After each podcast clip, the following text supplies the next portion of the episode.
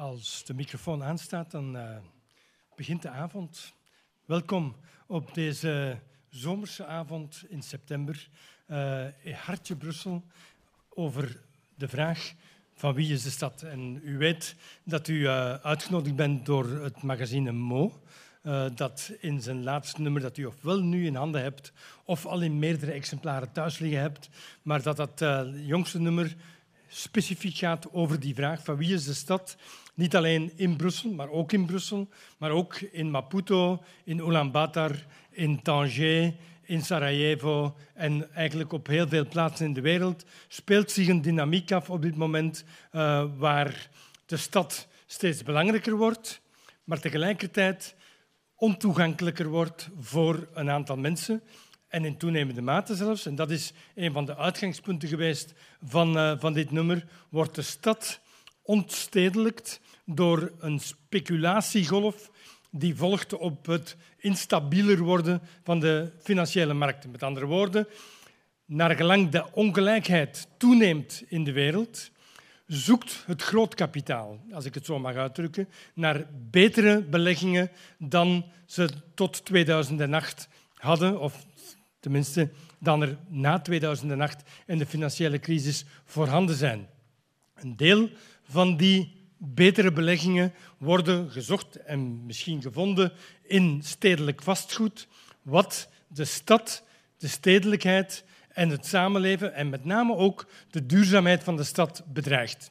In het vooruitzicht van de wereldtop over uh, stedelijkheid, de Habitat 3-top die in oktober doorgaat in Quito in Ecuador, uh, onder de noemer Sustainable Cities, wilde Mo een nummer maken dat probeerde te graven onder de vanzelfsprekende verhalen over stad en duurzaamheid. En daardoor zijn we uitgekomen bij die hele vraag rond privatisering aan de ene kant, het belang van publieke ruimte of van de stad als commons aan de andere kant en welke dynamieken er wereldwijd spelen en hoe daarmee kan omgegaan worden. Mo is een journalistiek magazine en presenteert dus niet een eenzijdige analyse en nog minder een eenduidige oplossing. Maar door een veelheid aan verhalen te presenteren, hopen we iedereen mee uit te dagen om daar beter over na te denken en ook mee te zoeken naar een betere praktijk voor de toekomst. En het feit dat deze avond uh, al drie, vier weken geleden uitverkocht was, bewijst dat de vraag rond stad en stedelijkheid en rond commons en privatisering, dat het een vraag is die heel erg leeft, ook in onze eigen steden. En we zijn dus heel erg blij dat we drie mensen onmiddellijk bereid gevonden hebben om die vraag samen met ons vanavond live te bediscussiëren.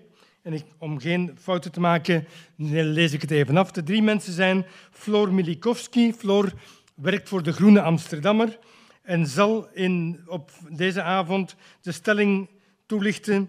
De stad is anno 2016 een keihard spel om geld, grond en stenen. Daarbij zijn er enkel winnaars en veel verliezers. Dan krijgen we Leo van Broek. En Leo uh, is iemand die al heel lang in de branche zit van stadsplanning en van architectuur van stedelijkheid, maar is sinds één week, dikke week, uh, ook Vlaams bouwmeester. En heeft dus op die manier nog wat meer gewicht als hij de stelling verdedigt. De mens eist veel te veel ruimte op. Verdichting is de enige oplossing om de planeet te redden. En dan hebben we een derde, uh, Stijn Oosterlink. En Stijn is, uh, wacht even, bijzonder docent Nee, hoofddocent, uh, want ik moest dat, dat moet ik altijd goed van buiten leren, want die academische nomenclatuur die ontgaat mij altijd een beetje. Hoofddocent aan de Universiteit Antwerpen, werkt rond stadsplanning en zijn stelling is als vergroening van steden samengaat met privatisering, leidt ze tot meer ongelijkheid en uitsluiting. Dat zijn onze drie stellingen. Elk van de inleiders krijgt tien minuten om zijn of haar stelling hard te maken, waarna we ons hier uh, op het podium zetten voor een gesprek over die stellingen en de inhoud die ze gekregen hebben in relatie met het nummer dat uh, pas gepubliceerd is. Waarna we uiteraard ook aan u de kans geven om opmerkingen te maken, vragen te stellen en bijdragen te leveren. Ik zou zeggen, Floor, the floor is yours. Dankjewel. Um, uh, allereerst hartelijk dank. Ja, zo? Oké, dat is niet handig. Zo? Uh, voor de uitnodiging om hier vanavond te zijn. Het is mijn Belgische debuut, dus um, dat is natuurlijk altijd erg spannend. Uh, ik ben inderdaad onderzoeksjournalist uit Amsterdam. En ik heb ooit sociale geografie en planlogie gestudeerd. Ben toen journalist geworden en doe nu heel veel onderzoeksprojecten voor de Groene Amsterdammer. Um, over stedelijke en ruimtelijke ontwikkeling. En ik ben een geboren en getogen Amsterdammer. Uh, en de druk op Amsterdam neemt de afgelopen jaren extreem hard toe. Uh, de vastgoedmarkt explodeert, de woningmarkt explodeert. Uh, de drukte van toerisme neemt toe en er is een steeds grotere discussie over waar willen wij heen als stad. Wat heeft dit voor gevolgen als we niks doen? Um, uh, ik schrijf daarom dit jaar een serie artikelen met de vraag van wie is de stad? Uh, en dat sluit aan bij ook een artikel dat deze maand, dit kwartaal in Mo stond. Uh, een interview met Saskia Sassen, de beroemde New Yorkse sociologe, stadssociologe. Die onderzoek doet naar de rol van die vastgoedmarkt, vastgoedinvesteerders in de stad. Um, ook in mijn onderzoek kom ik erachter dat vastgoed en grond uiteindelijk op dit moment een cruciale factor is bij de ontwikkeling van steden. Amsterdam is een van de steden die zich tot winnaar kan kronen van de kan hem ook uitdoen? Ja? Prima. Ja? Um, uh, Amsterdam is een van de steden van de echte winnaars in de internationale Red Race om uh, de, creative class, zoals die betiteld is door Richard Florida ongeveer 10, 15 jaar geleden. Um, in de huidige diensteconomie draait het allemaal om het aantrekken van het beste talent uh, want waar het beste talent gaat wonen, daar komen de beste bedrijven naartoe. Uh, de beste bedrijven creëren economische groei. Uh, economische groei zorgt voor winst en voor welvaart. En dat betekent dat alle steden nu proberen om dat talent van over de hele wereld aan te trekken. Um, dat betekent ook dat steden steeds meer geneigd zijn om uh, uh, zichzelf aan te passen op dat talent. Dat betekent dat onrendabelen, zoals die tegenwoordig ook wel genoemd worden, steeds van minder belang zijn, geen economisch belang natuurlijk hebben en dus steeds meer vanuit uit de stad worden verdreven.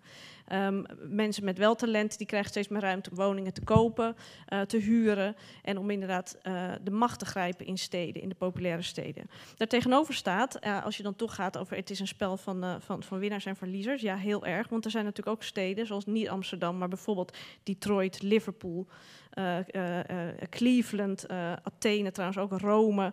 Um, nou, je noem maar op. Rotterdam in mindere mate, Luik ook. Maar steden die het juist veel moeilijker hebben, die er niet in slagen om dat talent aan te trekken. Dus daarin krijg je al winnaars en verliezers tussen steden onderling. Maar binnen die, die winnaarssteden zie je heel duidelijk inderdaad dat steeds meer de mensen met veel potentie, met geld, met macht, met middelen, met een sociaal netwerk, dat die uh, de stad claimen. En dat zij, mensen die dat niet hebben, dat die worden uitgestoten, zoals Saskia Sassen dat zo mooi noemt.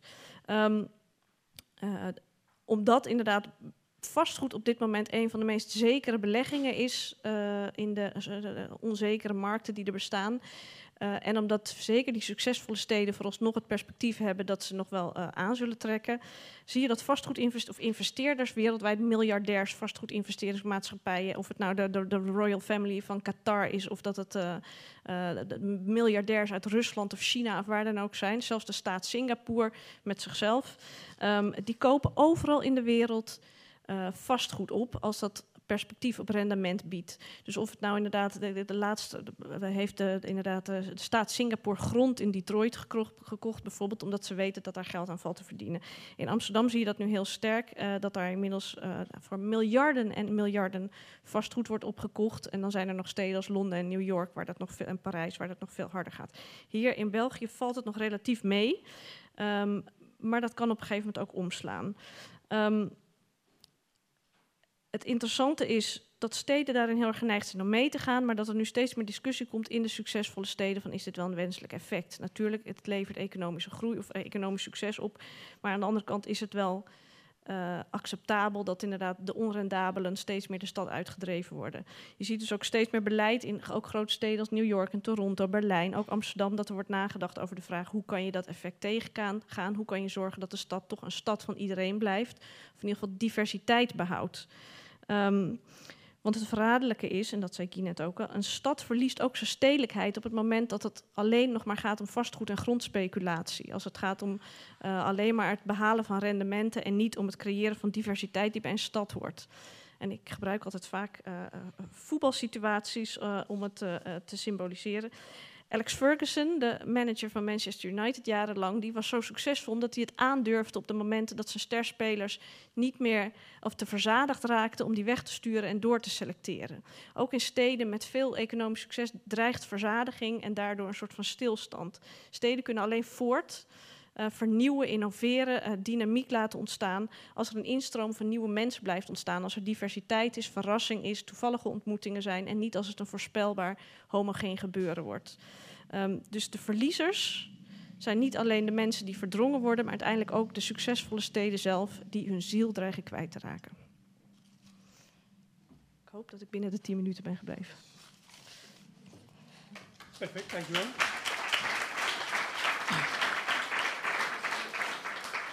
Dat was zo netjes binnen de 10 minuten dat ik er nog niet helemaal op bedacht was. Dus dankjewel het belang... Nee, nee, daar kunnen we straks nog, uh, nog wat verder met elkaar doorgaan. Dus het belang van, uh, van, van de vraag, is dit wat we willen, uh, nemen we zeker mee in het, in het verdere gesprek. je hebt kort de dynamiek die zich, die zich aandient in die succesvolle steden ge, getoond en, en besproken. En, en dan geëindigd, denk ik, met de belangrijke vraag, waar willen we dan nu mee toe en naartoe? En is het eigenlijk ook wel duurzaam? Is het houdbaar? Is dat eigenlijk de manier waarop we kunnen verder werken met die steden. Leo van Broek, ik denk dat jij daar uh, een belangrijke vraag of een belangrijke stelling aan toe te voegen hebt. Goedenavond iedereen. Welkom beste buren. Ik ga beginnen omdat we het veel te eens zijn vanuit een, een verdere hoek van, van de planeet. Uh, before you act local, you have to think global. Heel lang geleden is de mens beginnen nadenken over wat er zich rond hem en onder hem bevindt en is hij tot de conclusie gekomen dat, dat er een scheiding moest zijn tussen materie en geest. Omdat de materie eigenaardige dingen begon te doen, zoals zeggen ik zie je graag, kinderen krijgen, gedichten schrijven enzovoort. En de mens ging ervan uit dat hij als enige met intelligentie behepte vorm van materialiteit, wat al niet waar is. Hè. Ondertussen weten we dat gorillas door dierpsychologen uh, getraind zijn om met 600 pictogrammen een aardige taal te spreken en te kunnen zeggen ik heb een knuffel nodig en ik mis je. Toch heeft de mens gezegd ik ben dus uh, intelligent, ik heb een ziel. Er is zoiets als geest en als dat zo is en die geest is het transcendente en die daalt neer in het immanente en die bezielt de materie, dan is materie zielloos en minder belangrijk. De wereld, het universum is door de mens in twee geknipt, een soort van lobotomie aan de linkerkant heb je materie, aan de rechterkant heb je geest. Aan de linkerkant heb je lichaam, aan de rechterkant heb je ziel. Aan de linkerkant heb je aarde, aan de rechterkant heb je hemel. Mirakel, die drie waardevolle dingen zijn onzichtbaar, het bestaan ervan is niet bewezen en ze bevinden zich elders. Nadeel, aan de linkerkant heb je gedevalueerde rommel. Materie, Zieloze knikkers die rond elkaar cirkelen in atomen. En het kan dus geen kwaad dat je dat bezit, dat je daar verkoopt, dat je, dat je daar winst mee maakt, dat je daar eigenlijk mee rotzooit. Je lichaam 40, een bommengordel er rond, want in het hiernamaals wachten de 40 maagden. Boeren hebben zich in, het, in, in de, de woeste jaren van de 19e, begin 20e eeuw kapot gewerkt, want hun beloning kwam in de hemel. De basis van uitgesteld geluk ligt ook in dualisme, in de devaluatie van de materie. Wij denken er niet aan om lucht te privatiseren. We denken er niet aan om territoriale wateren wel, maar de, de internationale wateren zijn ook niet geprivatiseerd. De lucht hebben we allemaal nodig, dus, dus dat kan je niet bezitten en verkopen. Stel je voor dat je moet betalen per minuut dat je ademt. Nu, de machine die die lucht maakt, dat is ons aardoppervlak, hebben we wel geprivatiseerd. Het zijn enkel de culturen van de Noord- Amerikaanse indianen die ervan uitgingen, en er zijn nog een paar andere filosofieën die daar in de buurt komen, dat de mens de gast is. En dat de aarde een soort moeder is van ons. En dat we dus die aarde niet kunnen bezitten. Of niet mogen bezitten, idealitair. Omdat we ze delen. We delen ze, by the way, met ongeveer 8,7 miljoen andere levensvormen. Ecologisten zijn er ongeveer over eens dat een dominante soort in een ecosysteem ongeveer maximum 70% van het vruchtbare areaal mag bezetten, willen de andere soorten nog overleven. Nu, planetair gezien zijn we daar vandaag aan. Ondanks het feit dat eigenlijk een groot stuk van de planeet nog geen westerse levensstijl heeft. Ik heb vorige week gelezen, ik dacht eigenlijk dat het veel meer was, maar als iedereen een Europese levensstijl zou hebben met alles erop en eraan van gsm's en dat soort dingen, dan kan de planeet naar gelang het rekenmodel tussen de 2 en de 4 miljard inwoners aan. We zijn vandaag met 8 en we gaan naar 11. Dus het klopt niet, de rekening. We hebben planeten tekort. Tussen de vijf en de zeven planeten gaan we tekort komen. Dus dat betekent dat er gaat gevochten worden. Om water, om brood, om essentiële dingen. En een van de grote, en nu ga ik linken naar wat er al gezegd is, een van de grote problemen is dat die vermarkting van eh, architectuur, die vermarkting van grond, die vermarkting van de stad, als een soort van slecht neveneffect van het kapitalisme ervoor zorgt dat de stad niet meer van iedereen is. Want dat is de vraag die we vandaag stellen. En mijn antwoord is dat we dus een soort van ruimtelijke nederigheid nodig hebben. Dat de mens zichzelf moet leren wegschrijven in steden. En dat we ook buiten die steden zouden moeten beseffen dat we eigenlijk niet meer dan 70% van de planeet mogen voor onszelf opeisen, inclusief onze landbouwzones en onze recreatiegebieden. Vlaanderen heeft 2,8% beschermde natuur. Dat zou er 25 moeten zijn. Groot-Brittannië heeft 28% beschermde natuur, dus waar ik over spreek is geen utopie. De Britten hebben daar niet eens een overheidsinstelling voor nodig. De Land Trust is volledig georganiseerd door vrijwilligers. Het sterke verhaal is dus als we zouden kiezen allemaal samen voor een inclusieve en toegankelijke stad, die niet meer als marktinstrument wordt gebruikt, maar als een vorm van levenskwaliteit, krijgen we een heel andere manier van kijken naar vastgoed.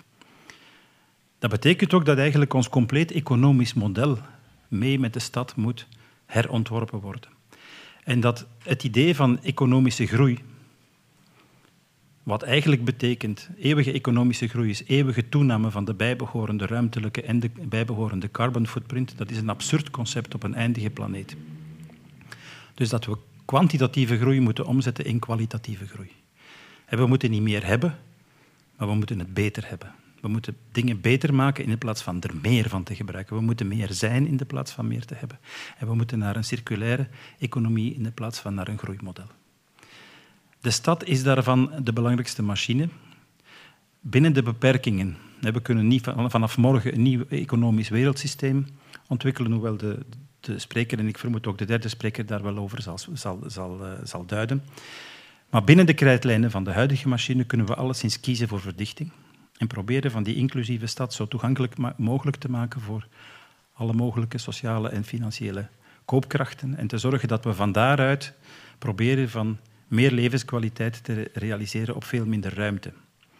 Het Vlaamse model is het tegendeel. We verkavelen ons kapot. 70% van de Vlamingen woont niet in een kern. Niet in een dorpskern of niet in een stadskern, woont in een verkaveling en rijdt zich van daaruit kapot in de files. We hebben het record aan uren file per werknemer, kilometer weg per wooneenheid. Het record aan echtscheidingen, want als je commuting time heen en terug over het anderhalf uur per dag gaat, heb je die quality time niet meer bij je partner of bij je kinderen. We betalen dat cash in de infrastructuurkost van onze wegen, in de infrastructuurkost van wat er onder die wegen ligt, in de hoeveelheid politici, ambtenaren en bestuurlijke organisaties in dit compleet kapot verkruimelde land. We hebben minder dan de helft van het aantal Olympische medailles van, per, per miljoen inwoners, omdat we net allemaal prutsdorpjes hebben die geen, geen dure, grote, slagkrachtige sportinfrastructuur hebben. Dus het kost ons langs alle kanten geld. Onze CO2-footprint per inwoner is ontzettend groot. Een villa heeft een carbon footprint van 7 ton per jaar. Een appartement in de stad 1 ton. Een passiefbouwvilla in the middle of nowhere heeft een hogere carbon footprint dan een niet geïsoleerde 19e-eeuwse rijwoning in de stad. Dus de stad is een begin van die ruimtelijke nederigheid, van die herziening van wij zijn niet alleen, we moeten dit delen. Deze zuurstofmachine, deze ecologische machine die eten geeft, moeten we delen. En we hebben ze niet alleen. Ik ga nog één bedenking geven op, op het einde. De, de grootste faunagroep, de grootste levende vleesmassa, bij wijze van spreken, op aarde zijn alle aan de mens toebehorende dieren. Onze huisdieren en onze veestapel. De tweede grootste faunagroep is de mensheid zelf. En vandaag al hebben die twee groepen samen een voedselbehoefte die niet door het vruchtbare deel van de planeet kan afgedekt worden. Dus we hebben vandaag al structurele planetaire ondervoeding.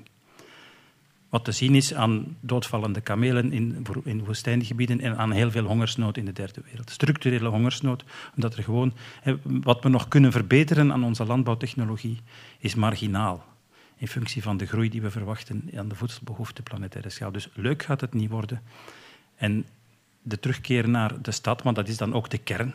Een dorp moet ook een ministad worden. Wonen op de buiten kan nu niet meer en zou in de toekomst opnieuw moeten kunnen. Is het begin van een proces dat vrees ik langer zal duren dan wat ik hoop. Dank u.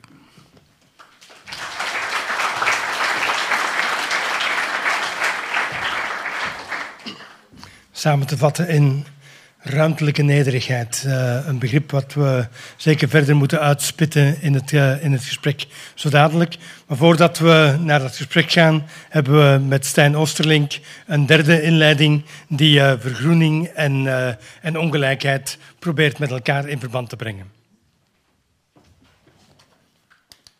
Goedenavond op, op mijn beurt. Dus mij is gevraagd om na te denken over publieke ruimte, groene ruimte in de stad. En ik denk dat die vraag ook voorkomt vanuit de vaststelling, observatie. Dat als je kijkt naar de stedelijke ontwikkeling de laatste 20, 30 jaar, dat er zeer veel aandacht is voor publieke ruimte en groene ruimte. En dat dat precies een van de succesformules is van die herwonnen zelfvertrouwen van de stad, van die stad die opnieuw vertrouwen uitstraalt, die opnieuw mensen aantrekt. Het is lang anders geweest. Als je kijkt naar de naoorlogse decennia, was de stad aan de verliezende kant, vandaag aan de winnende kant. En publieke en groene ruimte, de uitbouw daarvan lijkt een van de succesformules te zijn. En de vraag is, wat betekent dat nu voor in- en uitsluitingsdynamieken? Ik ben een socioloog, dus uh, ik kan het niet helpen. Ik moet altijd kijken naar in- en uitsluiting. Dus de vraag is, die dynamiek, die, die opkomst van groene ruimte, van publieke ruimte in de stad, draagt dat bij tot de in- of tot de uitsluiting van groepen mensen in onze samenleving? Nu, ik ga akkoord met uh, heel veel wat van uh, mijn voorgangers gezegd hebben. Niet met alles, dus er zal wel nog wat ruimte zijn voor debat. Maar als je wil kijken van wie de stad is, dus als je de vraag wil stellen van wie is de stad, als je dan kijkt naar welk systeem we leven, we leven in een kapitalistische economie, een kapitalistische maatschappij, dan betekent dat dat de vraag van wie is de stad in een zeer belangrijke mate neerkomt op de vraag van wie bezit de stad, wie geeft er eigendom van de stad. Dus de vraag van wie is de stad moet je eigenlijk altijd in eerste instantie via de eigendomskwestie uh, benaderen. Er was een, uh, twee, twee stadssociologen die al uh, zeer lang geleden, in de jaren, eind jaren 70, Logan en Mollage, die schreven eigenlijk een zeer, een zeer treffend citaat. Het is een citaat dat ik ook altijd aan mijn studenten meegeef. Ze zeiden van each resident, dus iedere bewoner van de stad, each resident of the city faces the challenge of making a life on a real estate commodity. Dus de grote uitdaging voor iedere stadsbewoner is om leven te leiden, vorm te geven op wat uiteindelijk een stuk vastgoed is. Waarom is dat een probleem? Waarom is dat moeilijk? Omdat natuurlijk eens die stad een stuk vastgoed wordt, dan is er altijd een dynamiek om de waarde van dat vastgoed naar boven te duwen. Om, daar zoveel mogelijk, om dat, dat stuk vastgoed zo duur mogelijk te maken. Dat kan natuurlijk alleen maar als dat vastgoed een stuk een gebruikswaarde heeft voor de mensen die daarvoor kunnen betalen. Dus dat betekent dat mensen daar moeten kunnen wonen, kwalitatief kunnen wonen, dat mensen daar moeten vrije tijd kunnen besteden, dat mensen daar een identiteit moeten kunnen ontlenen, dat ze daar een sociaal netwerk uitbouwen enzovoort. Dus dat stuk vastgoed moet wel nog een gebruikswaarde hebben voor uh, iemand. Maar ik denk dat uh, wat Floor gevonden heeft in Amsterdam, dat dat niet altijd het geval moet zijn. Maar goed, voor een groot deel van de mensen die in de stad zijn, verblijven en wonen, moet er toch nog ergens een gebruikswaarde zijn. Nu, in naoorlogse steden hadden eigenlijk voor bewoners een groot deel van hun gebruikswaarde verloren. De naoorlogstad is echt leeggelopen. We kunnen ons dat vandaag niet goed meer voorstellen, of de meesten onder ons kunnen ons dat vandaag niet meer voorstellen. Maar steden zijn echt 30, 40 jaar lang echt leeggelopen. En wat er voor in de plaats kwam, was heel veel autoverkeer, het idee was een goede stad is een stad die zeer uh, toegankelijk is met de auto en zeer veel kantoorontwikkeling. Want de industrie trok weg en wat er voor in de plaats komt was diensteneconomie. Dus wat je kreeg was een stad die waar ieder stukje publieke ruimte gedomineerd werd door de auto, nauwelijks nog publieke ruimte was, en ieder stukje uh, leegstaande grond uh, ofwel leeg bleef staan ofwel kantoren ontwikkeld kreeg. Iets wat men toen heel uh, cityvorming heette. Cityvorming, dat is de essentie van wat de stad moest zijn. Het betekende uiteraard ook dat de stad geen aantrekkelijk woonmilieu was. Dat de prijzen in de stad kelderden.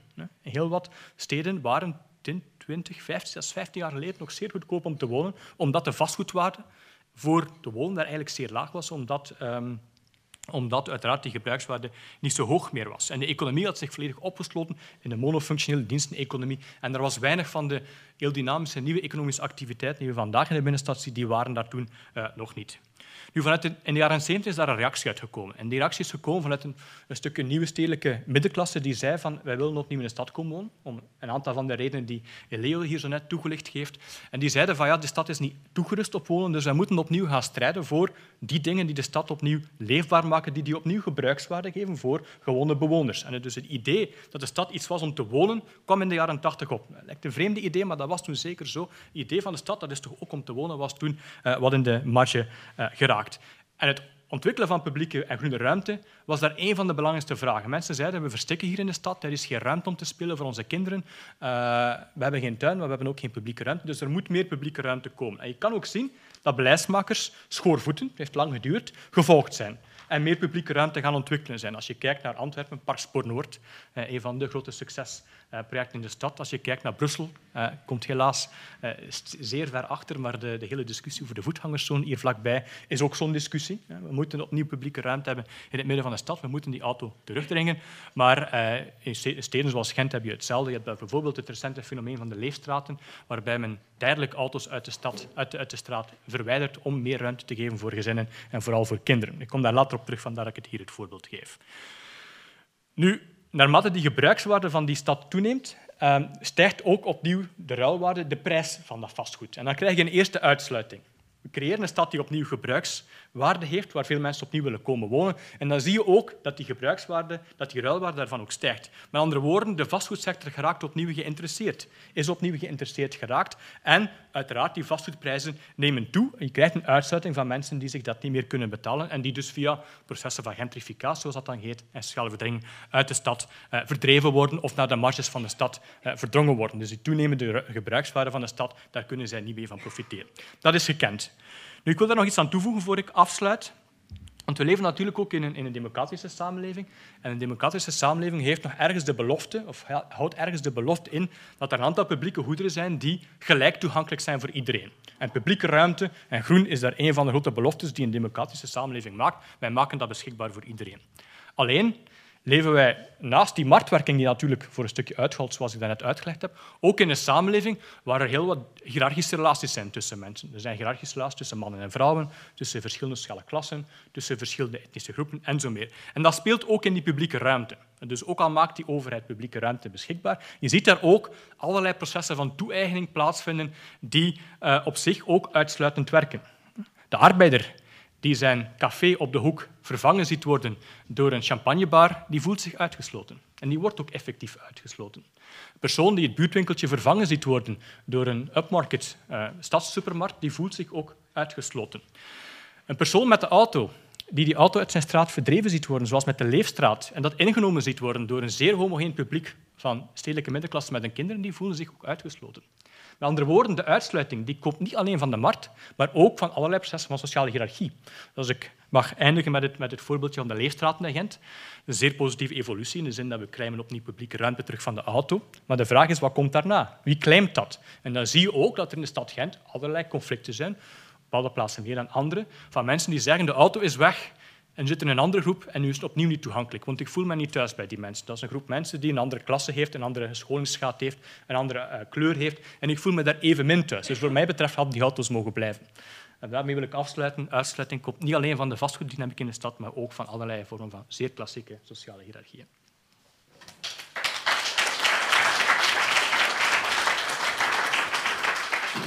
Dank u, Stijn. Eh, ik denk een van de, van de onderliggende uh, verhalen in, in jouw korte inleiding is dat het uh, kijken naar de stad, dat dat geen uh, momentopname mag zijn, maar dat het een proces is. Dat, uh, dat het een geschiedenis heeft, die komt en gaat, die ebt en vloedt. En, en waar je dus op kan ingrijpen, maar waar dat elke ingreep een, een nieuw proces in gang zet. En dat is een interessante uitdaging om, om in te gaan op, op die vragen die, daar, die de vorige inleiders gesteld hebben, of die ook in het nummer opgegooid worden. Dus ik stel voor dat jullie alle drie bij op het podium komen en de microfoon proberen aangetuigd te krijgen. En dat we dan even het gesprek met jullie verder zetten.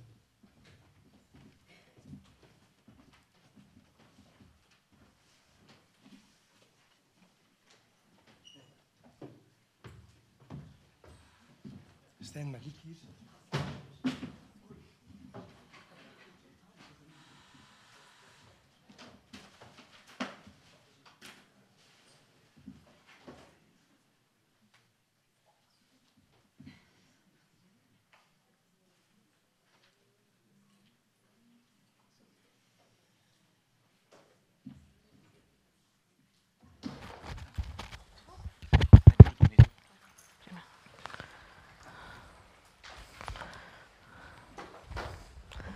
Een soort van piloot. Zeg je? Een soort van piloot. Piloot, ja. Ja.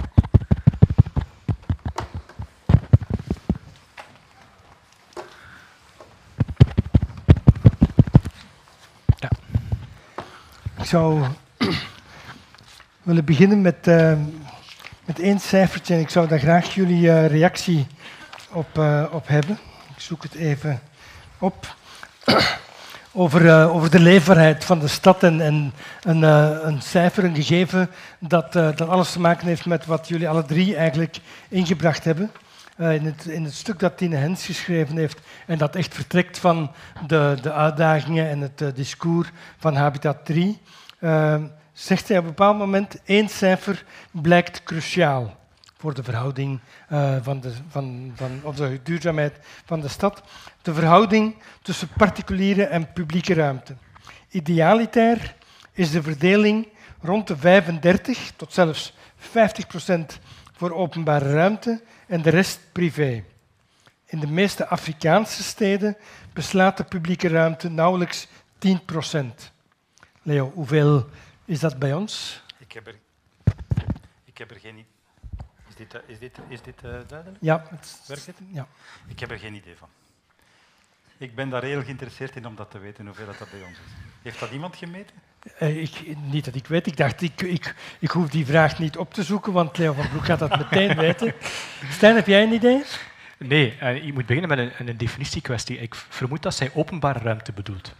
Een openbare ruimte is ruimte die van de overheid is. Een publieke ruimte, in principe kan een shoppingcentrum een stuk publieke ruimte zijn, afhankelijk van de regels die de toegang tot, dat, eh, tot die zone regelen. Ik denk niet dat het shoppingcenter daarin gerekend wordt, omdat uiteindelijk de eigenaar, de privé-eigenaar van het, van het shoppingcenter bepaalt de voorwaarden van toegang. Het is een beetje gelijk eh, de POPs in, eh, in, in Groot-Brittannië, de privately owned public spaces.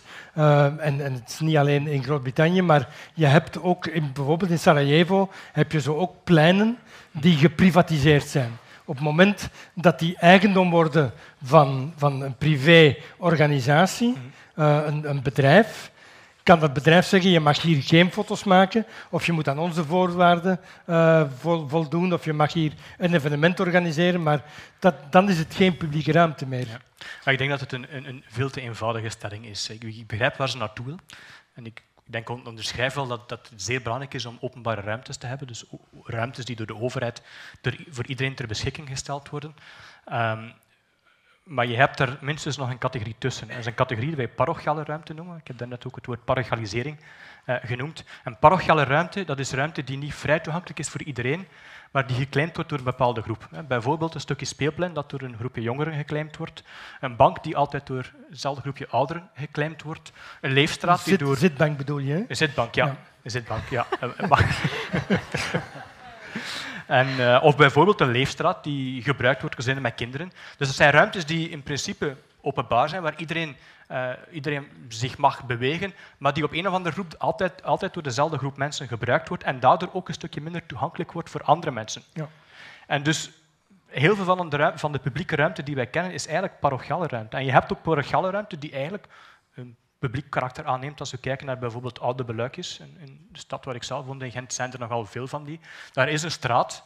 Soms is die straat privaat, soms is die publiek van de overheid, maar bijna altijd is die eigenlijk parochiaal. Dat betekent dat de mensen daar rond wonen eigen zich dat toe en hebben daar een gemeenschapsleven, maar dat is niet zomaar toegankelijk voor iedereen. Ja. Maar het functioneert wel een klein beetje zoals een soort ontmoetingsruimte, als een publieke ruimte. Dus de stelling privaat-publiek is, is een beetje te zwart-wit, denk zwart ik. Voor een academicus uh, is het al snel te zwart-wit. Nee, dat is een heel interessante toevoeging, die, die categorie van die parochiale ruimte. Leo, je wou daar? Ja, de Italiaanse stedenbouwkundige Nolli, ik denk dat dat al in de 19e eeuw was, heeft kaarten gemaakt van Rome. uh, waarbij hij de straten wit maakte, maar ook het interieur van alle publiek toegankelijke gebouwen. En die maakten eigenlijk de kaart van de echte publieke ruimte. Binnenkoeren van palazzi die de grootste deel van de dag open stonden, kerken, gemeentehuizen, de inkomhal, de inkomhal van stations en dat soort dingen, koetshuizen. Dus er zijn ook tussendefinities die eigenlijk puur cartografisch heel boeiend zijn. En tweede uh, suggestie die ik wou doen is een, onderliggend thema dat ik begin te voelen. En dat is het thema van de identiteit. En die parochies dat die drijven op identitair gedrag.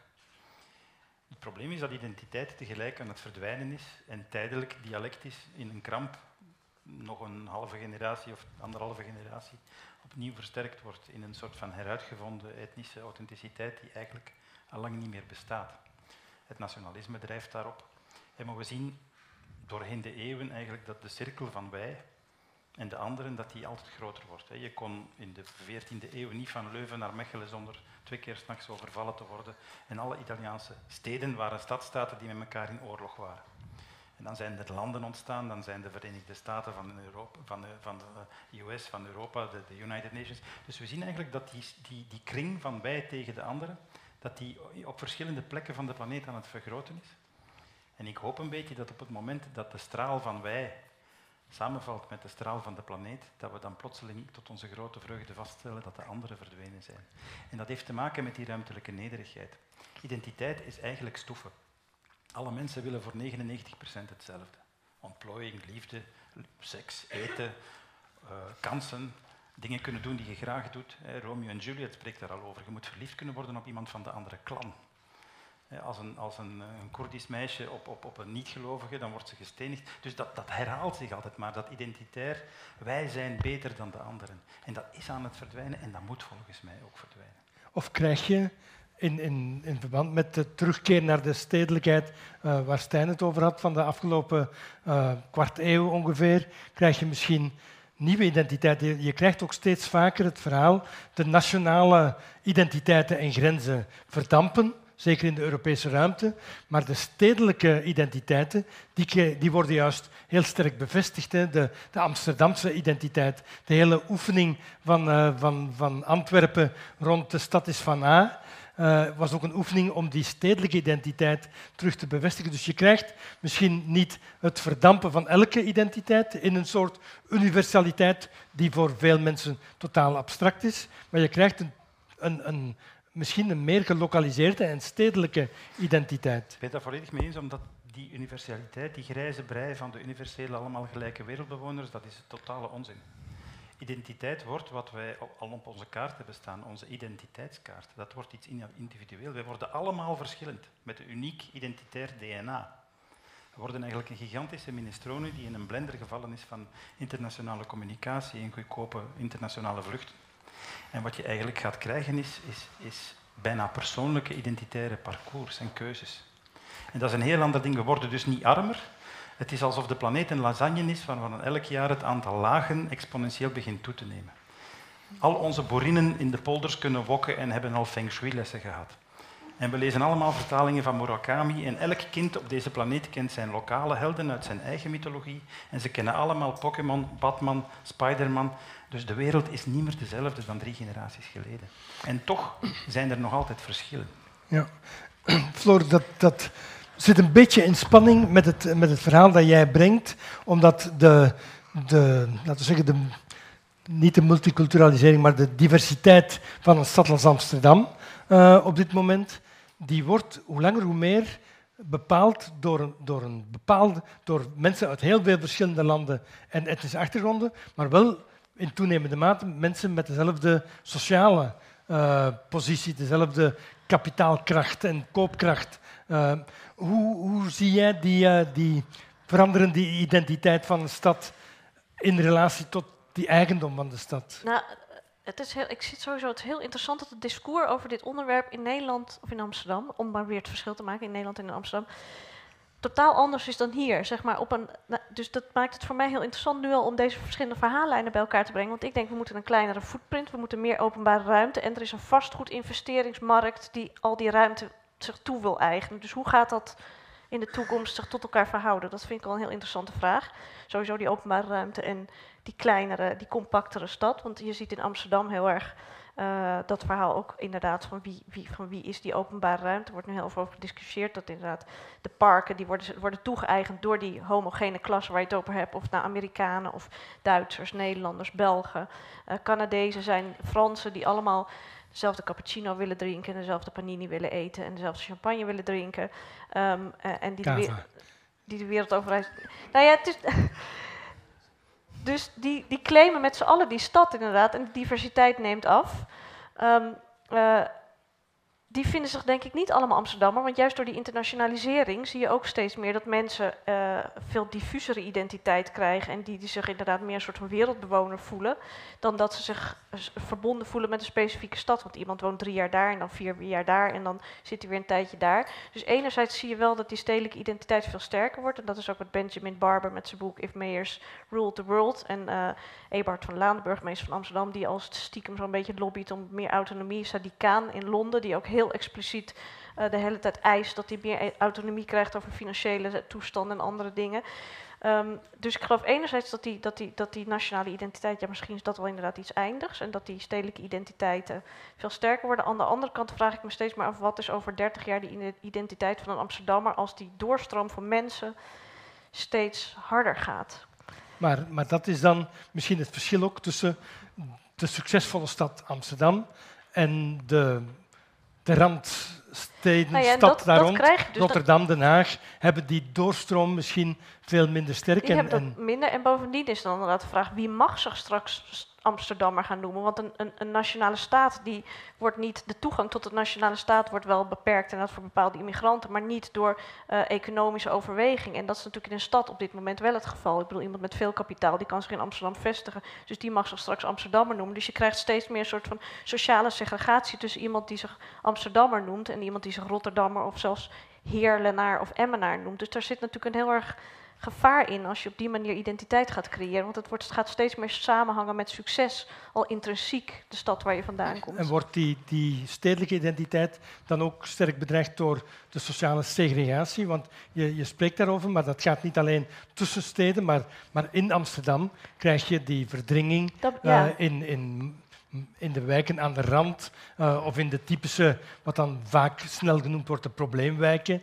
Uh, hoe, hoe interfereert dat met die vorming van stedelijke identiteit? Nee, dat, dat krijg je dus denk ik straks als dit proces wat we nu... Want ik ben altijd heel huiverig om te geloven dat deze, de processen die we nu doormaken... dat die decennia lang zullen voortduren. Want inderdaad die suburbanisatie dachten we ook dat die tot in de treuren zou doorgaan. En dat was helemaal niet het geval. Dus je weet niet wat er over 20, 30 jaar gebeurt. Maar als het zo doorgaat, krijg je inderdaad dat succesvolle steden... een soort van elite-enclaves worden. En dat je steeds veel meer als Net als in eeuwen geleden, dat als je zei dat je uit je Venetië kwam, dan wist je wel, nou dat is goed volk bij wijze van spreken, succesvol handelaar. Dat je weer krijgt iemand die zegt dat hij uit Amsterdam of New York of Parijs komt, dan weet je wel, dat is, goed, dat is iemand die goed geboerd heeft. Terwijl iemand inderdaad die uit een of andere perifere stad komt, dat dat een, uit, een, een verstoten, een uitgestoten is, die minder rendabel is en minder perspectief op een uh, succesvol leven heeft. We zullen dan ook de uitdrukking goed geboerd niet meer gebruiken, maar eerder goed gehandeld heeft waarschijnlijk. Ja.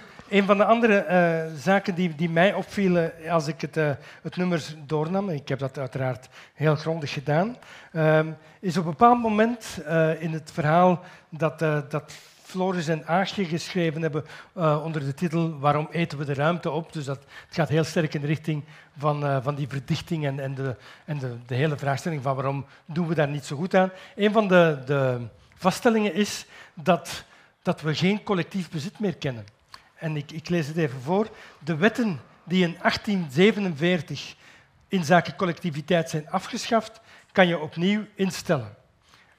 Om die, die grijze zones tussen openbare ruimte en, en, private ruimte, om die beter in te kleuren en daar meer dynamiek in te creëren, suggereert uh, een, een zeker meneer Van Dunbroek, uh, een collega van meneer Van Broek, uh, suggereert van eigenlijk hebben we behoefte aan collectieve eigenaarschappen van wijken bijvoorbeeld, van verkavelingen, of van uh, zodanig dat, dat het niet alleen maar een kwestie is van de staat bezit, of de overheid bezit en, de, en het individu bezit, maar dat de zorg voor de, voor de omgeving ook gecollectiviseerd kan worden opnieuw. Dat lijkt vloeken in de kerk na de val van de muur Of is dat toch the way forward, Leo? Het is de essentie van wat ik daar straks gezegd heb.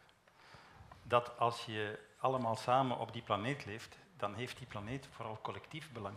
Die maakt ons eten, die maakt onze zuurstof. Als je die reduceert tot wat Stijn zegt, tot een vastgoedcommodity, waarvan je dan via de beurs eist dat zonder dat je toegevoegde waarde creëert, zonder dat je nog arbeid levert, zonder dat je nog diensten levert, gewoon het hebben van geld, dat ergens instoppen en ik doe drie jaar niks en ik wil meer terugkrijgen. Dus moet die waardestijging komen van allerlei spanningen, allerlei ik wil meer van dit en minder van dat en ik kan meer betalen dan jij. Dat je daardoor eigenlijk de planeet als een soort van architectuur, gebouwen en grond worden investeringsproducten die kapot gehandeld worden. En dat is eigenlijk cruciaal. Gentrification is onvermijdelijk en is goed als ze kwalitatief is. Als ze kwantitatief wordt, dan moet je ze heel hard sociaal gaan bijsturen of je maakt een kerkhof. Dat moet je uitleggen. Wat is het verschil tussen kwalitatieve en kwantitatieve gentrification? Kwantitatieve gentrification is dat die gepaard gaat met ongebreidelde kapitaalsgroei, zonder dat daar nog iets tegenover staat. Dus je hebt een appartement en je verwacht gewoon dat dat binnen 20 jaar vijf keer zoveel waard is. dus dat is diezelfde. Dus maar de kanaalzone bijvoorbeeld is, is hier in, in Brussel, denk ik, een van de, van de zones waar, waar daar zorggrond is. Uh, daar wordt de, bedoeling is dat daar vernieuwd wordt, dat daar geïnvesteerd wordt. De zorg is, de mensen die daar nu wonen, gaan dan niet kunnen blijven wonen. Wel, is dat dan een, een goede gentrification is als je vandaag in een wijk 80% van de mensen slapen op een van urine doordrenkte matras in een compleet overbevolkt kot van een huisjesmelker. Als je dat kan wegsaneren, dat is het goede, het goede stuk. Dat daardoor een waardevermeerdering ontstaat tot aan een normaal niveau, geeft die mensen de, alle Marokkaanse gezinnen, die komen van Borgerhout, die in Borgerhout een huis gekocht hebben, 40, 50 jaar geleden, zijn dankzij Spoor Noord in de, in de middenstand gehesen. Die hebben plotseling vastgoedwaarde waar ze een, een, een, maatschappelijke springplank door verworven hebben. Hebben die 50 van die huizen gekocht en beginnen die zelf huisjesmelkmerker te worden, dan ga je te ver. Dus ik denk dat daar de overheid een heel belangrijke rol heeft. Maar dat gaat over eigenaars. Van, van, zodra je meer vastgoed begint te verwerven dan wat je nodig hebt, dus je begint Monopoly te spelen met de planeet, dan begint eigenlijk het probleem te ontstaan. Maar de echte onderklasse natuurlijk is geen eigenaar uh, en, en wordt dus heel snel verdrongen van zodra dat je begint dus coöperaties, hybride woonvormen. Je koopt aandelen in een coöperatie, je krijgt levenslang recht op wonen in een starterswoning, in een jongerenwoning, in een gezinswoning, in een, in zorgflat. En je moet niet telkens registratierechten betalen omdat je koopt en verkoopt. En je kan toch kapitaalsopbouw doen. Daar zijn allerlei tussenvormen in de maak nu waar men over aan het nadenken is. Om eigenlijk te zorgen dat je tussen die ik moet elke maand huur betalen en dat geld zie ik nooit meer terug, ik doe niet aan waardecreatie. Of ik, ik doe aan, aan, aan kapitaalsverwerving, maar ik verlies mijn, mijn, mijn woonflexibiliteit of mijn woondynamiek. Die tussenvormen die, die heel veel met commons te maken hebben, daar verwacht ik eigenlijk wel wat van. Ja. Stijn, als socioloog. Ja, ik wil daar iets over zeggen, omdat ik denk dat je de, dat hele verdichtingsverhaal ook moet situeren in diezelfde dynamiek zoals ik over de stad uitgelegd heb, als een, als een soort voortdurend heen en weer gaan tussen het gebruikswaarde van dat, van dat ding hoger maken en de ruilwaarde van dat ding hoger maken. Omdat je verdichting kan je eigenlijk op twee verschillende manieren doen. Verdichting is een perfect project voor een projectontwikkelaar, want je kan meer woningen realiseren op een kleinere grond. Dus je kan daar winst mee maken. En ik denk dat er een aantal projectontwikkelaars zijn die dat beginnen te zien. Die zeggen, oh, dat is een perfect project, we gaan niet langer verkavelingen bouwen, maar we gaan gewoon dichte woonprojecten bouwen in de stad, dus ze kunnen meer entiteiten, woonentiteiten creëren op minder grond. Dus dat is een perfect, een perfect, uh, perfect rendabel project voor een, voor een projectontwikkelaar. De vraag is natuurlijk of dat het soort verdichting zal willen. Dus ik begrijp als Leo pleit voor verdichting dat dit niet meteen het verhaal is wat hij wil. Omdat hij zegt nee, dat moet samengaan met een soort meer collectief bezit. Dus we moeten dat niet zomaar overlaten naar een vastgoeddynamiek. We moeten ervoor zorgen dat, dat daar ook publieke ruimte of ruimte gecreëerd wordt die collectief beheerd wordt. Uh, dus ook daar verdichting op zichzelf is niet noodzakelijk goed. Misschien vanuit ecologisch standpunt, maar vanuit sociaal standpunt kan, je daar, kan, dat, een, kan dat een perfect uh, um, marktgericht project zijn, uh, waar projectontwikkelaars veel geld mee scheppen en slechte woonentiteiten mee opleveren. Maar het kan ook een project zijn dat sociaal is, dat leidt tot meer collectief beheerde uh, gronden of land. Nu, over dat tweede wil ik, iets, wil ik nog iets zeggen. Ik ben, ik ben een voorstander van de hele commonsbeweging, het hele model van coöperatief uh, eigendom gaan beheren. Ik vind dat beter dan de volledige geprivatiseerde vastgoedmarkt zoals we die nu hebben. Ik denk ook dat die een aantal voordelen heeft ten aanzien van het publiek eigendom van woningen, bijvoorbeeld de sociale huisvestingssector. Daar valt ook wel wat kritiek op te geven. Uh, niet eenzijdig, want het levert natuurlijk toegang tot huisvesting, maar er zijn wel in die beheersvorm, de heel bureaucratische beheersvorm daarvan, zijn wel een aantal problemen. Alleen kan je dat, moet je datzelfde ook zeggen van coöperatieven. Een, coöperatie en het collectieve is niet hetzelfde als het publieke. Een coöperatie, een common, is altijd uitsluitend. Altijd. Een commons functioneren goed als dat mensen zijn die dat beheren, die iets gelijkaardigs hebben. En heel veel commons zijn ook zo. Heel veel coöperatieven zijn eigenlijk groepen gelijkgezinden die een gelijkaardige achtergrond hebben, etnisch, cultureel, sociaal-economisch, eh, scholingsniveau. Waarom? Omdat als je collectief iets gaat beheren, dan wil je eigenlijk heel lange reis met regels hebben over hoe dat, dat gaat, gaat functioneren.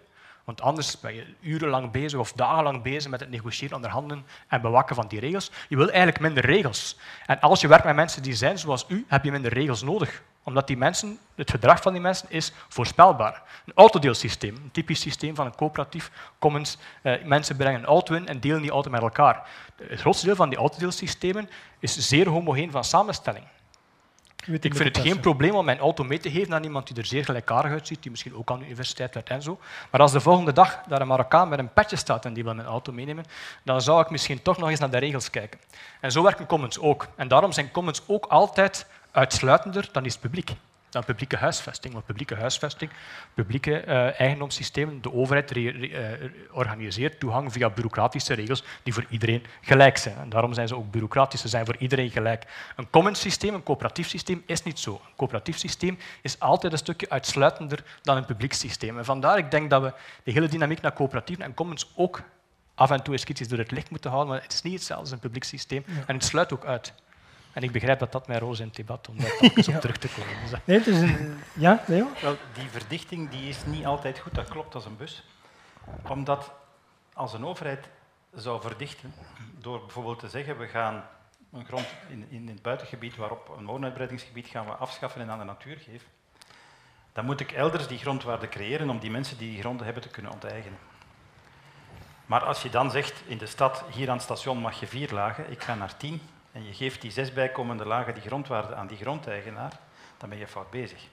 Je kan die ontwikkelaar of die grondeigenaar zeggen, vier, oké, we geven jou vijf. Want je moet meewerken. En de andere vijf door de overheid. De overheid maakt die grondwaarde bij door plotseling de regels te veranderen.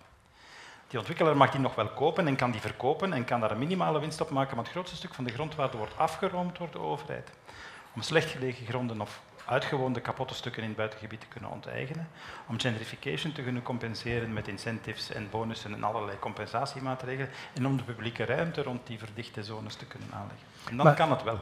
Maar dat is een verhaal dat, klinkt heel uh, coherent, maar, maar de vraag stelt zich meteen, is er nog een overheid in dit land die bereid is tot zoveel voluntarisme, tot zoveel eigen optreden en eigen beleid. Want de overheden die wij zien, lijken zich allemaal onzichtbaar te willen maken. Te lijken... Vlaanderen is met een leger juristen bezig met de krijtlijnen vast te leggen van grondruil gecombineerd met verdichting, net om die machine op gang te brengen. Want zij kunnen Vlaanderen nu niet ontsnipperen. Ze kunnen dat niet betalen. Dus ze moeten dat geld van maken door de markt een wortel voor te houden op de plekken waar verdichting wenselijk is. En daardoor die uitdoving kan zonder planschade. En er is, er is, uh, ik heb een afspraak op het, op het kabinet binnen twee of drie weken om te kijken waar ze zitten met die studie, maar die zou voor de eerste keer beginnen landen in haalbare dingen. Ik hoop het. Touchons du bois. Floor, jij werkt nogal eens met de, met de overheid in Amsterdam. Uh, is die overheid bereid om, uh, om in te grijpen op de stad of trekt zij zich ook terug? Nou, dat, dat discussiepunt beginnen we nu echt aan te komen. Uh, in Amsterdam zie je nu, omdat de grondwaarde zo ontzettend hoog is, dat de gemeente Amsterdam, die is, die is eigenaar van alle grond in de stad, bijna alle grond in de stad. Dus uh, bouwgrond wordt voor ontzettend veel geld verkocht. En de gemeente kiest vooralsnog het grondbedrijf van Amsterdam, dat is een enigszins autonoom opererende afdeling van de gemeente. Die, uh, daar zitten allemaal mensen die in de crisis zijn ontslagen bij banken en vastgoedinvesteringsmaatschappijen. Die zitten daar nu uh, namens de gemeente hetzelfde spelletje te spelen. Dus die kiezen uiteindelijk bij verschillende partijen die geïnteresseerd zijn altijd voor het hoogste bedrag. Um, met vaak ook als uitruil dat er bijvoorbeeld hoger gebouwd mag worden dan aanvankelijk in het bestemmingsplan is opgenomen. Want hoger bouwen levert voor de investeerder, voor de bouwer natuurlijk meer rendement op. Maar je merkt nu um, dat naarmate die, die macht van die vastgoedsector zo groot wordt, dat dit verhaal van die commons en die coöperaties, daar wordt nu voorzichtig door verschillende partijen inderdaad toch wel echt naar gekeken. Ehm, er is één straat in Amsterdam, de Jan Evertse straat. Dat was tien jaar geleden een straat, nou ja, Marokkaanse, Turkse bewoners en winkeltjes. Dat is nu ontzettend hard in, de in het proces van gentrification. Ehm, en daar is iemand, een bewoner, ondernemer, en die is nu aan het proberen om daar inderdaad zo'n coöperatie, of die is daar zo'n coöperatie begonnen. En die vraagt nu heel erg de hulp van de gemeente daarbij inderdaad. Die probeert met door inderdaad een soort van het creëren van overwaarde, probeert ze weer panden op te kopen, waar ze weer zorgen dat er niet de meest verdienende ondernemingen inkomen, winkeliers inkomen, maar leuke winkeliers, diversiteit. Uh, dus daar wordt inderdaad, uh, ik weet dat er een, een, aantal onderzoeken nu op gang komt naar dat, dat, dat proces van de commons, hoe je inderdaad zo'n common in een stedelijk landschap kan creëren. Um, dus er wordt wel echt over nagedacht. Ik ben, echt, ik ben oprecht heel benieuwd waar dat naartoe gaat. Want je merkt wel dat we dat, dat neoliberale tijdperk, waar we allemaal kijken naar, naar privatisering en, en winstmaximalisatie, dat we daar toch allemaal nu wel achter zijn dat dat ook niet uh, de hemel oplevert. Er zijn nog niet alle besturen zijn daar achter gekomen, vrees ik. Er zijn nog, nog, een paar plaatsen waar we u mee naartoe moeten nemen om, uh, om dat uit te leggen en om dat aan te brengen. Nog één uh, citaatje uit, uh, uit, het nummer van Saskia Sassen. Dat was ook een vertrekpunt van het, uh, van het hele nummer. en, en ik, ik, lees even het citaat voor, waar zij het heeft over de ontstedelijking van de stad. en dan zegt ze dat gaat enerzijds over het het, uh, het, uitvagen van het stedelijk weefsel, de, de grote vastgoedprojecten die vaak een, een hele grote uh, voetafdruk hebben en daardoor steegjes, straten en pleinen gaan, uh, gaan privatiseren, die ruimte opzuigen. Maar het, maar het gaat niet alleen om die fysieke eliminatie, maar vooral, zegt ze, om het verwijderen van het gemengde gebruik van stedelijke ruimte. Openbare ruimte wordt getransformeerd in geprivatiseerde zones waar alleen de superrijken nog toegang hebben. En dat is een wezenlijke amputatie van een van de belangrijkste historische functies van de stad, die altijd de plaats was waar mensen zonder macht toch geschiedenis en cultuur konden maken, wat hun machteloosheid een essentiële complexiteit en extra dimensie verleende. Dus een heel ander uh, element van, van die stedelijkheid dan we tot nu toe bekeken hebben, maar de, de stad zegt zij, is de plek waar mensen die in de marge geduwd worden in de samenleving, toch de ruimte vonden om hun eigen geschiedenis te maken. En de tendens van privatisering bedreigt ook die functie. Zien we dat, Stijn, ook in België gebeuren? Of is dat uh, vanuit het perspectief dat Sassen meestal behandelt, het verhaal van de global cities, maar niet van de provinciale steden die wij kennen? Ja, het is zo dat de, het werk van Saskia Sassers focust op de echt hele grote steden zoals Londen en, en uh, uh, New York en, en Tokio. En daar zie je ook dat die gentrificatie en die verdringing echt massief is. Hè. Dat is hele huizenblokken die platgesmeten worden en daar dan grote appartementen met condos enzovoort. Dat is een zeer massieve vorm van gentrificatie die we eigenlijk in de meeste steden niet zien. Hè. In Brussel blijft de gentrificatie al bij al beperkt internationaal vergelijkend. Dat is ook in Gent en Antwerpen zo. Er zijn een aantal wijken die zeer snel. Uh, maar het soort processen van on ontstedelijking van de stad die zij beschrijft, dat, er zijn niet zo heel veel plaatsen in Brussel of in Antwerpen of in Gent of in Luik waar ik nu op kan denken die daar heel sterk aan beantwoorden. Maar de tendens is er wel naarmate, naarmate die vastgoedprijzen hoger worden, wordt de diversiteit van die mensen die in zo'n stad wonen natuurlijk kleiner en dan wordt dat iets minder stad. Um, maar op dat vlak um, het gaat eigenlijk niet echt om de stad, het gaat om ruimte. Het is, mensen hebben de nood aan een ruimte waar ze zichzelf kunnen verwerkelijken. En als de stad zo uitsluitend wordt dat een groot deel van de populatie daar niet kan wonen, dan gaan er steden ontstaan naast die steden.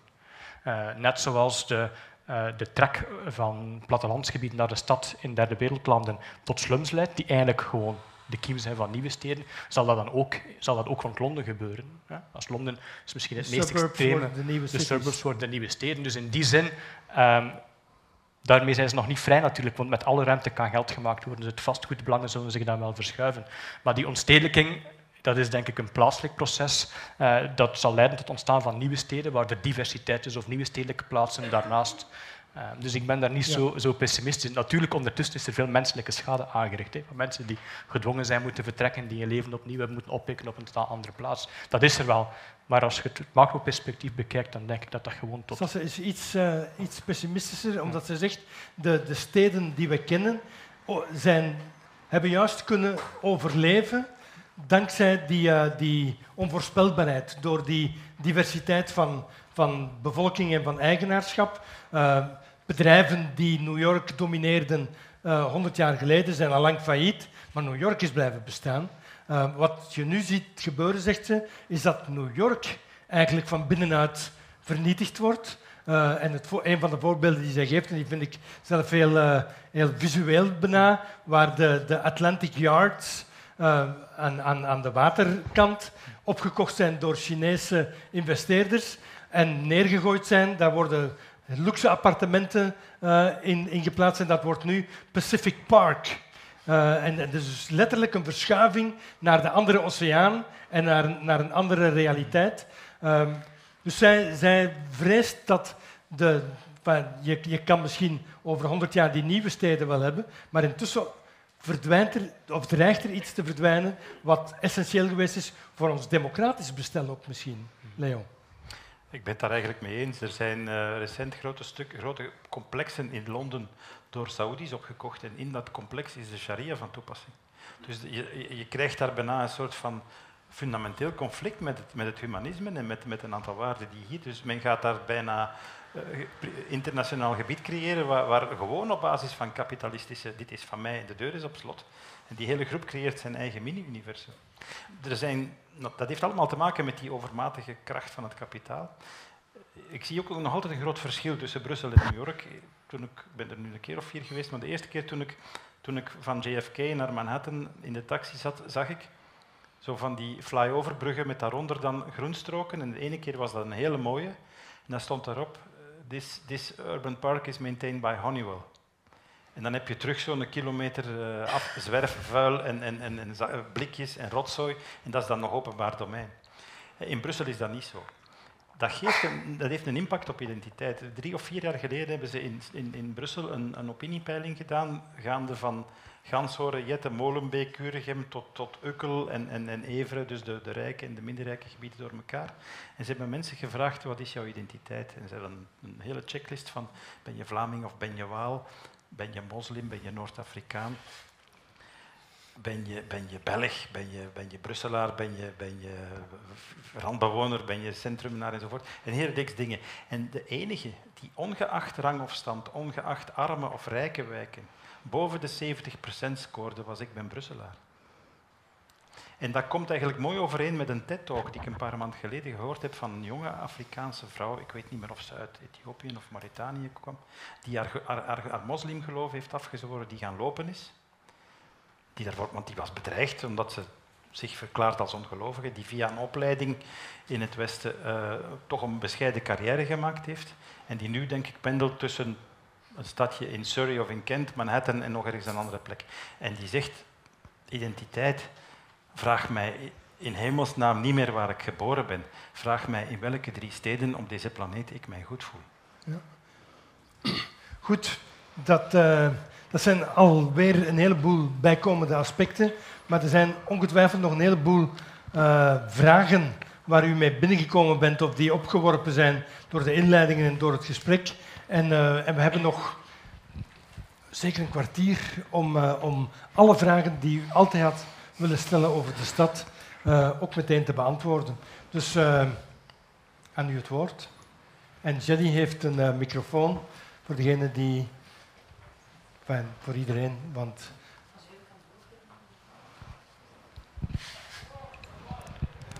Ja, hartelijk dank voor de discussie. Mijn naam is Ans Rossi. Ik ben van oorsprong Nederlands, maar ik woon al 14 jaar in uh, Brussel trouwens. Uh, en werk in België uh, in duurzame ontwikkeling. Um, ik heb een paar jaar terug in Frankrijk een fietstocht gehouden en ook contact gehad met Terre de Liens. Dat is een grondfonds, hè, want de landbouwgronden verdwijnen steeds meer. En onderzoek in Frankrijk toont aan dat alle landbouwgrond die verdwijnt, die gaat op aan de zoveelste shoppingcenters, autostrada's en verrassing, maar misschien toch niet, tweede woningen. Ik vroeg mij af, en dat hangt samen met die verdichting, duurzaamheid en eigenaarschap. Er zijn enorm veel mensen die zoveel kapitaal hebben dat ze zich op verschillende plekken, en ik weet van zeer rijken die vijf, zes appartementen over de hele wereld, maar zelfs binnen een land natuurlijk overal woningen hebben. We kennen dat ook aan de Vlaamse kust. Hè? Daar zitten heel veel tweede woningen, die dus hele tijd leeg staan. Hoe kijken jullie aan tegen dat eigenaarschap? Zou de overheid daarop moeten ingrijpen? Uh, als we het dus hebben over de duurzaamheidsuitdagingen, is dat nog wel een recht wat we zouden kunnen hebben? Ik vind, ik vind van niet. Ik vind van niet. Belasten die handel, belasten tot bloedens toe. Ik heb ook geen zin om een jacht te kopen. Als ik wil zeilen, huur ik er een. Want die andere elf maanden heb ik daar alleen maar gewicht voor in mijn rugzak zitten. Travel light, live light. En dus door dingen te delen. Wie van ons heeft er nog cd's? Onze muziek zit in de cloud, dus ons recht op zeilen zou ook in de cloud kunnen zitten. En dus ook ons recht op een vakantiehuis. Als dat gelijkwaar is in de planeet, waarom moet je dat dan nog hebben? Je kan dat bij wijze van spreken een week downloaden uit een beschikbaarheidsareaal en dan deel je dat de rest van de tijd. Ik denk dat het onvermijdelijk is om die kant op te gaan. Ik, ik, weet dat in St. Ives hebben ze een, in St. Ives in Cornwall hebben ze niet zo lang geleden een referendum hierover gehouden. Omdat dat inderdaad ook inmiddels uh, domein is van tweede huizenbezitters. Maar dat is volgens mij weggestemd toen. En dat zelfs door de bevolking weggestemd. Het is natuurlijk een heel complex vraagstuk. Alleen al omdat het bovendien, los van een tweede huis en vakantieverblijf, ook nog eens een vastgoedinvestering is. Want ze zitten altijd op plekken waar het populair is en dus waar de grondwaarde. Dus de eerste gemeente die daar inderdaad tegen durft in te grijpen. Volgens mij zijn ze er wel her en der, maar nog niet op grote schaal. Een van, van de antwoorden, zou je kunnen zeggen, vanuit de, de, de actuele economie op dat probleem is Airbnb. Uh, waar, waar niet, je gaat geen appartement kopen, je gaat het zelfs, je gaat zelfs niet formeel huren, maar, maar via een informeel systeem kom je wel aan je logies. Je hebt daar onderzoek naar gedaan, naar de impact van Airbnb op, uh, op Amsterdam. En het antwoord ja, is? Het antwoord is dat Airbnb gewoon een gigantisch miljardenbedrijf is dat uh, niet zozeer gaat om deeleconomie, maar om gewoon heel veel winst maken voor en het bedrijf zelf en de durfinvesteerders die erachter zitten en de huisbezitters die het zich kunnen veroorloven om of één huis of twee huizen of investeerders die hele panden opkopen om te verhuren, om daar flink aan te verdienen. Aan de andere kant, en ik weet dat er in Amsterdam wordt er nu gezocht naar fair B&B, wordt nu nagedacht over een soort van fair B&B, waardoor je inderdaad het idee van delen is natuurlijk inderdaad helemaal van deze tijd, van de toekomst. Dus daar moeten we ook zeker naartoe. Maar je moet inderdaad naar een systeem waarin het niet een soort van hyperkapitalisme is, zoals dat Airbnb eigenlijk is. Maar waarin inderdaad het niet gaat om winst maken, maar werkelijk delen. Maar volgens mij is dat wel zeker de toekomst. Ja. Ja, ik denk dat het, alles hangt af van het model dat erachter zit. Hè. En dus Airbnb heeft, heeft, is, heeft heel goed ontdekt dat je eigenlijk meer geld kan maken met grond door het, door het korte termijn te verhuren dan het in eigendom te geven aan, aan één iemand. Dus ik ben daar, ik ben daar iets minder uh, zeggen, optimistisch over die deeleconomie. Het hangt er maar af wat, wat je daarachter stikt van model.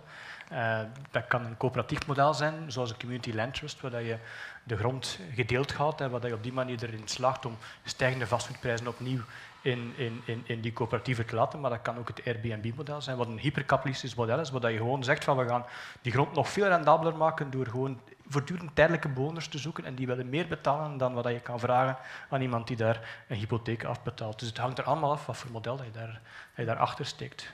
Leo? Een, een kanttekening die ik erbij heb is, er zijn eigenlijk twee soorten verdienmodellen. Hè.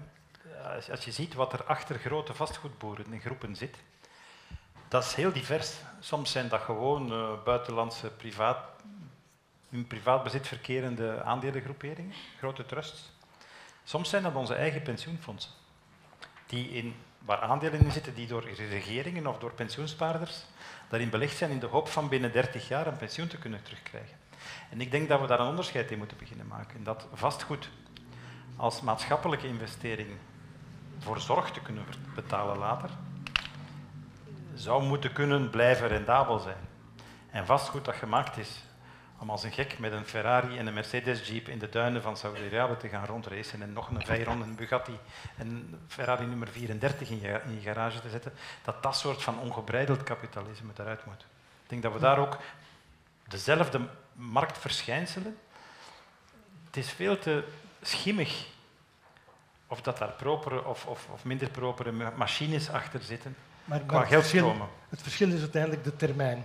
Een pensioenfonds zou niet uh, kwartaal winsten moeten nastreven, maar zou 30 jaar uh, perspectieven moeten hanteren. Ja, en, terwijl onze, onze topzware bevolkingspyramide is binnen 30 jaar ook uitgestorven. Dan hebben we terug een normale bevolkingssamenstelling. Dus zelfs onze zilverfondsen zijn voor 30, 40, 50 jaar nodig. Dus je kan die fondsen in het begin op interest gaan melken. En de laatste 40, 50 jaar, dat hangt er vanaf hoeveel ouder we gaan worden, Ik ben een beetje cynisch. Ik denk bijvoorbeeld dat het hele ringlandverhaal om fijn stof tegen te houden een gevaar is, want dan leven de mensen te lang en verknoeien we nog meer planeet. Dus onze sterfelijkheid is met een overbevolkte planeet eigenlijk een ecologische zegen. We kunnen toch geen miljardenproject verrechtvaardigen op basis van het recht op langer leven op een planeet die te klein is. Dat is cynisch, maar dat is toch een vraag die ik zou durven stellen. Dan gaan we straks misschien. Ja, maar ik denk dat de vraag over vakantiehuizen. Ik, ik, ik, ken daar nu geen cijfers over, maar ik denk dat als je het hebt over ruimteconsumptie, dat een groter probleem in Vlaanderen is dat als mensen ouder worden, dat ze in te grote huizen blijven wonen. Um, je kan daar economisch gaan over redeneren en kan zeggen als mensen te groot worden, de kinderen zijn in het huis, dan moeten ze maar verhuizen. Alleen hebben wij een samenlevingsmodel waarbij de worteling in een bepaalde gemeente zeer, zeer belangrijk is. We hebben een heel sterk idee van wij zijn op deze plaats geboren, we hebben hier een huis gekocht en we blijven hier wonen totdat we, uh, totdat we sterven. In Amerika heeft men dat niet. In Amerika stuurt de arbeidsmarkt waar mensen wonen. En zie je de economie verschuiven, dan zie je op 20, 30 jaar tijd heel die bevolking naar het zuiden verschuiven. En in Europa hebben we dat niet. En blijven mensen wonen waar ze wonen. En ik denk dat daar iets waardevols aan is. Ik denk niet dat we dat zo snel, dat we daar zo sterk uh, overheidsingrijpen, uh, ik denk dat we daar voorzichtig mee moeten zijn. Maar er is wel daar ook, er is daar een veel groter probleem, denk ik, dan bij die vakantiehuizen die we, uh, die, we, die, we, die, die een aantal van ons zouden, zouden hebben, denk ik. In mensen die in te grote huizen wonen. Wie heeft hier een vakantiewoning? dat probleem is opgelost. Wie had nog een vraag? Ja? Uh, ja, goedenavond. Uh, ik ben uh, Caro van der Schuren van de Jong Socialisten. We hebben het al heel vaak gehad over um, ja, uitsluitingsmechanismen en voornamelijk over arm en rijk. Maar uh, er is ook één groep, denk ik, en dat zijn zeker de jongeren, die in heel het debat tussen publieke en private ruimte toch ook altijd het onderspit moeten delven. Um, ik denk zeker als je nu in de zomer gaat kijken, dat je die hele hitsen over de Pokémon Go, waarin dat voornamelijk ook weer al is die jongeren werden geviseerd die voornamelijk in steden uh, Pokémon Go gingen spelen. Uh, dus mijn vraag aan jullie is eigenlijk, um, jullie hebben het al een beetje gehad over, ja, je moet uh, steden meer collectief gaan maken door commons enzovoort. Um, door democratische processen, maar ook daar zie je weer, ik, ik, geloof er niet meteen in dat jongeren hun toegang zullen vinden tot coöperatieven. En ook in het gewone democratische proces, jongeren kunnen niet gaan stemmen tot, tot ze 18 zijn. Dus wat is jullie visie eigenlijk op hoe dat je dan jongeren effectief kunt gaan betrekken in het mee gaan uitdenken van die publieke ruimte en ervoor gaan zorgen dat jongeren effectief ook een plaats krijgen in die publieke ruimte zonder gestigmatiseerd eigenlijk, of toch vaak gestigmatiseerd te gaan worden door de overheid? Dat is een schitterende, dat is een schitterende vraag natuurlijk. Wat daaronder zit is een fundamenteel menselijke vraag. Vanaf welke leeftijd heb je welke capaciteit tot beslissing? En dat is eigenlijk de vraag die je stelt. Vanaf wanneer krijg je zeggenschap en over welk areaal? En dat neemt naarmate je ouder wordt toe. Je krijgt een soort van emancipatie doorheen je adolescentie. Dat is duidelijk, dat proces is bezig. Rijbewijzen begonnen vroeger op 20, op 21, op 18, in Amerika 16, het zal binnenkort hier ook. Kinderen zijn vroeger slim dan vroeger, democratisering van het onderwijs en een aantal andere zaken. Maar er zijn ook grenzen aan. En ik trek het soms op flessen, maar wat ik altijd zeg is, inspraak zonder inzicht leidt altijd tot uitspraken zonder uitzicht. Een moeder die haar kinderen te vroeg inspraak in de keuken geeft, die maakt alle dagen frieten, Coca-Cola, chips en mayonaise. Dus, dus je, het is een combinatie van, van, van groei, kennisverwerving, verantwoordelijkheid, toenemende verantwoordelijkheid dragen. En naarmate dat men die verantwoordelijkheid verdient, moet men ze ook krijgen, vind ik. Dus ik vind jouw vraag terecht. Dus ik zeg ja, maar met een kleine maar. En dat het telkens moet gedragen zijn door een soort van, van bewijs dat je die verantwoordelijkheid ook aan kan. Dus ik denk dat meer rechten betekent ook, en dat is de, de prijs, betekent ook meer plichten. Dat heeft eigenlijk ook te maken met die ruimtelijke nederigheid.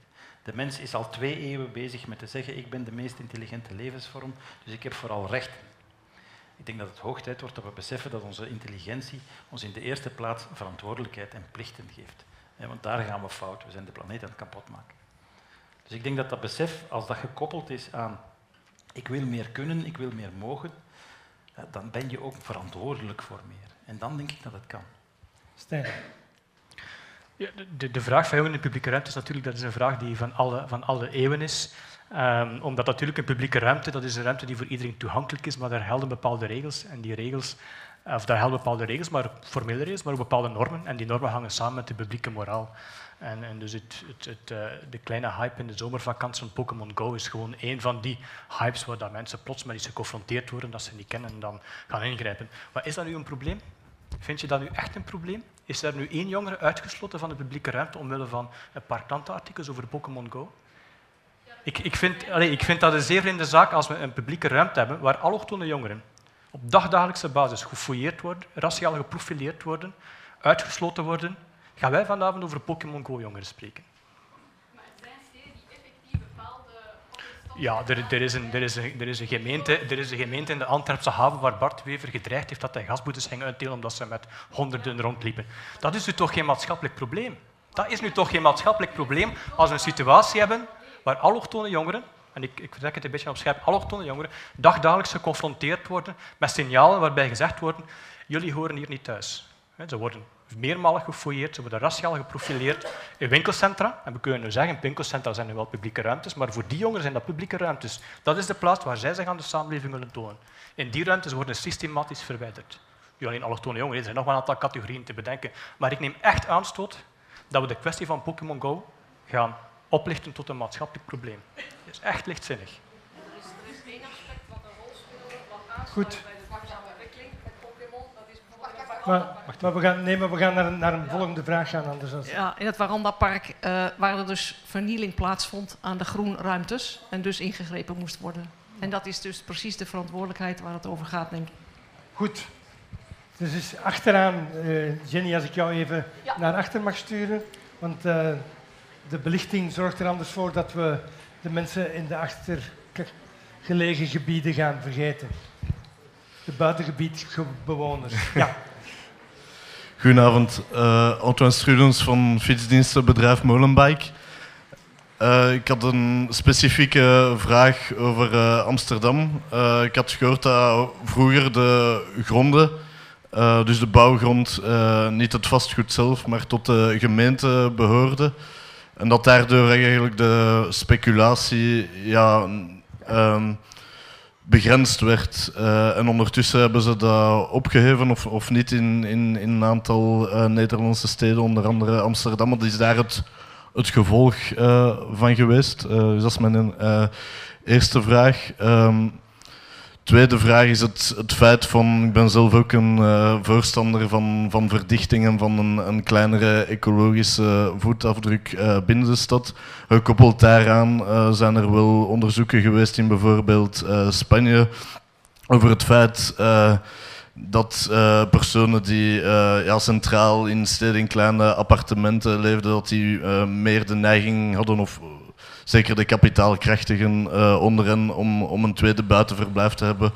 Of om uh, vaker uh, op en af naar New York te reizen. Dus om, om hun eigenlijk geringere um, ja, appartementsvoetsafdruk te, te compenseren door, door ander gedrag. Um, het andere effect daarvan is natuurlijk dat mensen die zich dat niet kunnen permitteren, meer behoefte hebben aan die openbare ruimte in de stad. En we hebben een, uh, voor het nummer hebben we een onderzoek gedaan naar het belang van, van openbare barbecueplaatsen bijvoorbeeld. En daaruit blijkt heel duidelijk uh, in, in, in Antwerpen en in Brussel dat, dat dat de plaatsen zijn die voor de plattelandsbewoner die ik ben, de tuin is. Uh, want mensen hebben die tuin niet, maar hebben wel behoefte aan, aan barbecue, aan ontmoeting, wat een, een heel nieuw soort ontmoeting ook, uh, ook creëert. Twee vragen, Amsterdam en de eigendom uh, van, van de grond. En vervolgens verdichting. En, en is dat wel zo eenduidig ecologisch als, het, als we het hopen of denken? Floor. Uh, de eigendom is inderdaad de gemeente Amsterdam is in principe eigenaar van het overgrote deel van de grond in de stad. Ook van de grond onder het gros van de koopwoningen door een erfpachtsysteem. Dus als uh, woningeigenaar dan huur je eigenlijk de grond onder je woning van de gemeente, maar die heb je niet in bezit. Dat op een enkele uitzondering na. Um, uh, uh, speculatie is eigenlijk wat de gemeente zelf ook in zekere zin doet. Tijdens de crisis hebben ze bijvoorbeeld alle bouwprojecten stilgelegd, omdat het inderdaad niet de, de grond niet te verkopen was. Vervolgens toen de crisis voorbij was en er een explosie op de vastgoedmarkt en op de grondmarkt uh, ontstond, zijn ze nu inderdaad in razend tempo aan de hoogste, aan de hoogste bieder aan het verkopen. Ehm, dus in zekere zin zijn ze zelf ook uh, lekker aan het speculeren. Uh, en er was ook een statistiekje weer afgelopen week, geloof ik, over, de uitgifte van bouwgronden in, uh, in Nederland. En dat Amsterdam daar honderden miljoenen jaarlijks aan verdient. Dus dat, en wat doet Amsterdam daarmee? Wordt daarmee beter onderwijs betaald? Wordt daarmee op Het wordt op de grote hoop gegooid, dus het is niet helemaal duidelijk wat daar precies... Dat wordt gewoon in de, in de, in de, in de, in de schatkist gestopt, zeg maar. Dus in die zin wordt het, het, wordt het, het, het, wordt aangewend voor publieke doeleinden. Maar er wordt nu ook uh, wel de nodige discussie over gevoerd... of je niet moet gaan kijken of je inderdaad vervolgens naar de waardestijging... die ook een ontwikkelaar creëert met door een enorm hoogbouwflat neer te zetten... of je dat niet op een iets gelijkmatigere manier ook weer kan gaan verdelen over betrokken partijen, bewoners. Uh. Het is wel een belangrijke vraag natuurlijk, want aan de ene kant lijkt het alsof het uh, pure speculatie is waar de stad aan doet.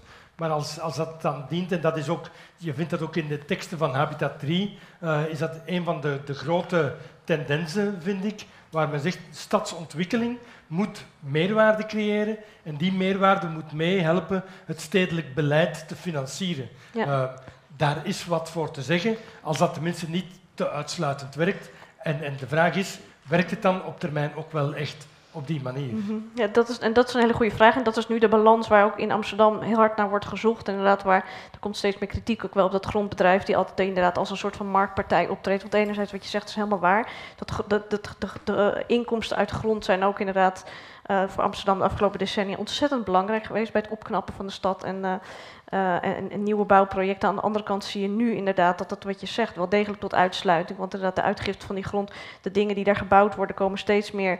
Uh, zijn die bedoeld voor een specifieke groep, homogene groep, hoogopgeleide, vaak blanke uh, kenniswerkers. En dan kan je je afvragen, dan kan je alsnog nog geld over hebben voor, over, voor, de, voor onderwijs of voor de openbare ruimte. Maar als het maar aan één groep ten goede komt, dan schiet je je doel misschien een beetje voorbij. Leo, jij wou daar ook op reageren? Ja, omdat er zit eigenlijk een drietrapsraket in. Je zou kunnen zeggen in eerste laag, als je verdicht in de kern om elders te kunnen vergroenen en om dat sociaal te kunnen bijsturen, want die verdichting die zal altijd vastgoed, meerwaarde en bijkomende grondwaarde genereren, moet je een stuk van die bijgegenereerde grondwaarde afromen als overheid. En de derde graad is dat die overheid die bijgekregen waarde eigenlijk ook niet volledig zelf mag houden. Want je hebt het planetaire probleem dat onze CO2 naar de buurlanden waait en die van, de, van de, de, buurlanden naar ons komt.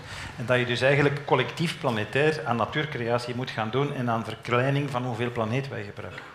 En dat betekent dat een deel van die door Amsterdam gegenereerde grondwaarde eigenlijk Europees planetair zou moeten gebruikt worden om compensatie van bijkomend natuurgebied mogelijk te maken. Ben ik helemaal mee eens. Een, een bijkomende uitdaging voor degenen die, uh, die zich met echt met klimaat uh, bezighouden. Enfin, dat zou dat heeft niet allemaal moeten zijn ja, Want klimaat heeft niet zoveel met rotswol en zonneboilers te maken en alles met land use. En het hele klimaatdebat vandaag gaat over energie, gaat over allerlei groene technologie, maar dan kun je net zo goed uw hummer groen verven. Hè. Het gaat eigenlijk in essentie zou het over iets heel anders moeten gaan. Over de stad. En over, de, over het, het, stuk planeet dat wij niet gebruiken. Mensenvrije ruimte is een van de grootste elementen die ontbreken in het verhaal. Al Gore heeft alles over op, verwarm, op, op opwarming van de aarde, stijgende zeespiegel. En dat zijn eigenlijk afgeleide randverschijnselen van overbevolking en overmatig grondgebruik. Stijn, nog een reactie op, uh, op, op, de vraag of die verdichting uh, de ecologische meerwaarde oplevert die we ervan verwachten. Het is niet jouw expertiseveld. Uh, maar je bent even niet de bijzondere uh, docent, maar iemand die participeert in het debat. Denk jij dat we, dat we echt die kant op moeten met die verdichting? Is dat de way forward voor verduurzaming en voor duurzame, leefbare samenlevingen? Maar ik denk dat wel. Hè. Ik denk wat, de, wat de Leo ook in zijn inleiding aangegeven heeft, dat het, dat het vanzelfsprekend is dat de manier waarop wij in Vlaanderen bijvoorbeeld ons landgebruik uh, organiseren, dat dat zeer verspil, niet alleen verspilzuchtig is naar ruimte die wij verspillen, maar ook naar de middelen die wij nodig hebben om dat allemaal gaande te houden en mobiliteit. Dus het is evident dat, dat we in Vlaanderen uh, dat we meer verdichting uh, nodig hebben. Alleen natuurlijk, daarmee heb je nog geen sociaal project, je hebt daarmee een ecologisch project, maar je hebt daarmee nog geen sociaal project voor de stad. Um, dus ik denk dat we dat, en wat jij daar straks even avond. kort aangaf, vind ik zelf ook wel interessant. Ja. je hebt het, het ecologische, het economische uiteraard, maar ook het sociale aspect. Maar een van de aspecten die ik in, in, heel weinig terugvindt in debatten over stad en stedelijkheid en duurzaamheid, is het culturele aspect. We hebben daar een aantal keren aan geraakt via identiteit, maar eigenlijk gaat het ook over hoe zien mensen goed leven. En, en hoe zorg je ervoor dat mensen gelukkig kunnen worden in de manier waarop ze leven en werken. Uh, want dat is eigenlijk de basis van, van een soort cultureel model. En mensen hebben daar beelden van, hebben daar uh, tradities in. En als we, als we daarop willen ingrijpen, moeten we dat zeker meenemen en niet gewoon ontkennen of, of, of uh, buiten het gesprek laten. En ik heb dat zelf, in, in, het nummer beschrijf ik het ook, deze zomer heel visueel gezien in de hoofdstad van Mongolië, waar, uh, waar, waar een ecologisch totaal onleefbare stad ontstaat rond de kernstad, met mensen die, die de helft van Mongolië woont nu, of meer dan de helft, in, uh, in die ene stad. Allemaal op stukjes grond met hun yurts waar dat ze mee toekomen. Uh, dat is ecologisch niet houdbaar, maar mensen houden wel aan dat stukje grond, aan die yurt, aan, uh, aan de zekerheid die ze daaraan verlenen. Dus dat wegwensen in verdichting en appartementen en hoogbouw gaat niet zo meteen werken, denk ik dan. Maar die beelden van, van wat het goede leven is, zijn ook die zijn sociaal gestratificeerd. Dus het idee dat bestaat dat het, goede leven vandaag in de stad is, is, is een idee van een bepaalde groep in de samenleving. Uh, een bepaalde groep in de samenleving die vandaag veel koopkracht geeft. Uh, er zijn ook andere ideeën van dat het goed leven is in de stad. Hè. Dat noemen we dan ghettovorming. Dan zeggen we die mensen leven in ghetto's, terwijl die uiteindelijk ook alleen maar uh, een plaats zoeken waar er mensen wonen van dezelfde. Ik heb het over migrantenwijken, ja. waar grote concentraties migranten Zij wonen graag in Molenbeek, of een aantal daarvan, want veel daarvan hebben er eigenlijk ook niet echt voor gekozen. Die volgen ook maar waar de, waar de, waar de huizen uh, goedkoop zijn. Die kiezen ook voor wat zij het goede leven noemen, maar dat wordt dan eh, vaak gestigmatiseerd en ghetto's en, en concentratiebuurten genoemd. Dus het idee van wat het goede leven is, is, is sociaal zeer sterk gedifferentieerd. En sommige mensen kunnen hun beeld opbrengen en andere beelden afwijzen. Dus ik, ik, ik, ik ik denk ook als je dat doet in een samenleving zoals de onze, en je, laat, je zegt van we moeten een beeld creëren van wat het goede leven is, we moeten mensen overtuigen naar de stad te wonen.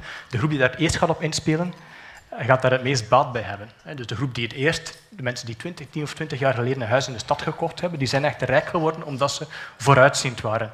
Um, en dan zie je de omgekeerde beweging gebeuren. Ik, ik, hoor jou zeggen, sommige mensen hebben geprofiteerd van gentrificatie. Dat zijn de noodkopers, de, de migranten die erin geslaagd zijn om een huis te kopen. Maar veel van die mensen hebben verkocht. Hè.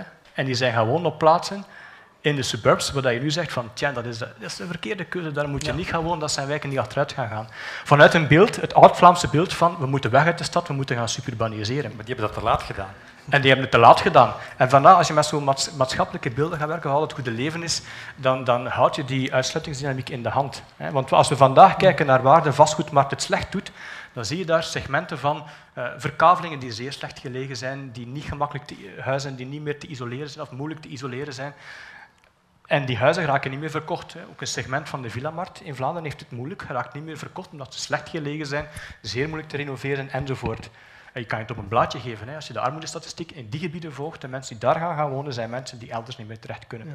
Dus als je die verdichting gewoon via de vastgoedmarkt laat lopen, dan krijg je opnieuw een uitzet. Je krijgt gewoon een uitkering, een van, omkering. Van Borgerhout naar Braschaat. Ja, maar de suburbanisatie van de armoede is iets wat bijvoorbeeld in de VS al veel, zeer ver gevorderd is. Je hebt een suburbanisatie van etnische groepen en van uh, mensen in armoede. En dus dat is gewoon een omgekeerde beweging en daar zijn we even ver af, denk ik. Nee, ik wil jou er nog even over, en dan gaan we afronden, maar als, als iemand die mee verantwoordelijk is voor de planning en die ook heel vaak al gedacht heeft over hoe denk je en plan je een stad. Is die culturele factor iets wat je kan meenemen in zo'n planning? Die culturele factor is cruciaal en daar, daar heerst vandaag een gigantisch politiek misverstand rond. Je hebt het al aangehaald met die, die, het, andere problemen dan Pokémon, namelijk uh, spanningen tussen etnische groepen. En dan zie ik eigenlijk dat het hele links-rechts debat in onze maatschappij op een gigantisch misverstand berust. We haspelen constant het concept ras en het concept cultuur door elkaar. Als, een, als een Maghrebijns gezin een, een, Belgisch weeskindje adopteert, dan zal dat weeskindje zich twintig jaar later gedragen als een Noord-Afrikaan. En hij zal er zo niet uitzien. En als je... Je, mag, je, moet, je moet dus ervan, je moet een aantal dingen durven erkennen. Rassen zijn al niet gelijk. Zwarten hebben types veel meer per 100 inwoners dan wij. En je moet maar eens zo soepel proberen te dansen als die mensen, dat kunnen wij niet. Ethiopiërs zijn beter in maar dat heeft met de stad niet zo heel veel Nee, nee maar wacht maar. Ik ga, naar, ik ga naar spanningen tussen... Eerst, rassen zijn eigenlijk genetische dingen. Dat is de kleur van je huid, dat is je kroeshaar. Culturen zijn waardesystemen waarin mensen worden opgevoed. Culturen maken allemaal fouten. Dus ervan uitgaan dat culturen gelijkwaardig zijn, is eigenlijk onzin. Het is niet omdat het een cultuur is om jonge meisjes vanaf hun puberteit dicht te naaien of een clitorectomie te doen. Of het is een, bepaalde cultuur om een patriarchaal mannelijk machismo te laten primeren boven de vrouwenrechten. Of het is onze cultuurrechten om de vrouw in de reclame te misbruiken als een lustobject. Alle culturen hebben zwaktes.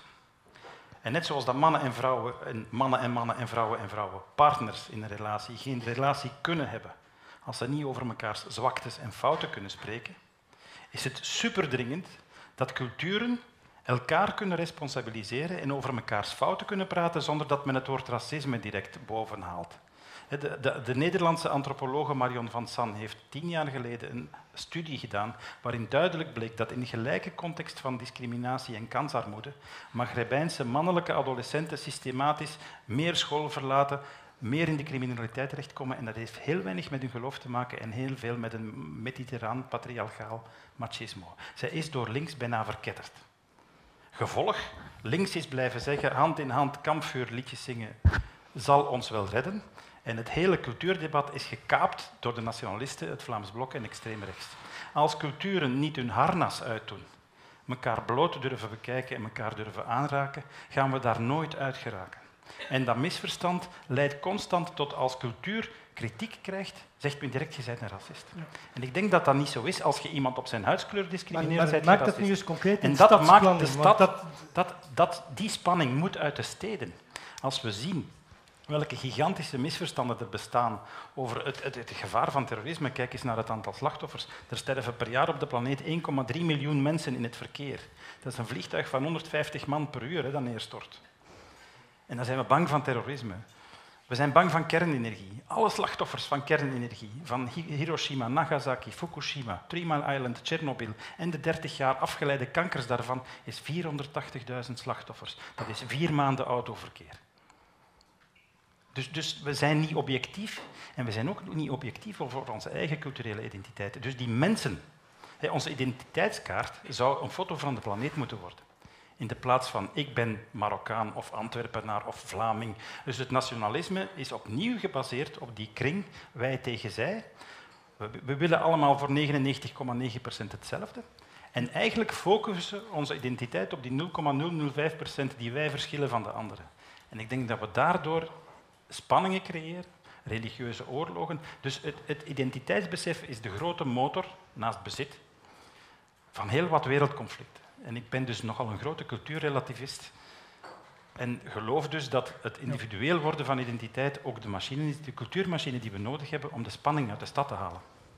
Stijn, nog snel, want jij wil erop reageren. Dan ja, er zal heel, heel veel op te reageren, maar ik ga dat niet doen. Maar ik wil enkel, enkel zeggen dat wat, wat Floor beschreven heeft, is de vastgoeddynamiek van zo'n stad. En dat is natuurlijk iets wat zeer bepalend is om te kijken uh, de reden waarom er in zo'n stad zoveel vastgoedwaarde uh, te rapen valt, is natuurlijk omdat de waarde van de stad op het einde van de jaren 80 zeer mager was. En dus je kon daar, als je een huis koopt, alleen maar winst maken. Nu, een ander verklaringsmodel voor die gentrificatie, en ik denk dat ze, dat ze beiden er zijn, is een cultureel verklaringsmodel.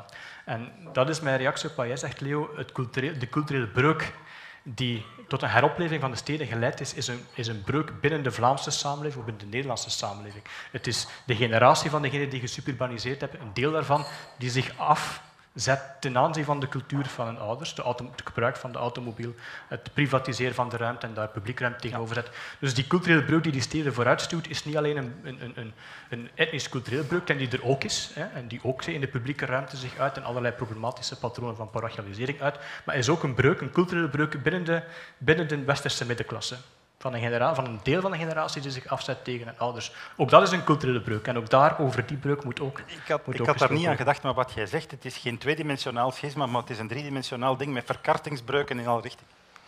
Boeiend. Dat, dat, kunnen we zeker plotten, ongetwijfeld. Uh, daarvoor hebben we uh, de planners in huis. Leo van Broek, Floor, zeg het nog eens. Milikowski. Milikowski en Stijn Oosterlink. Heel erg bedankt eh, dat jullie eh, vanavond met ons hard op nagedacht hebben.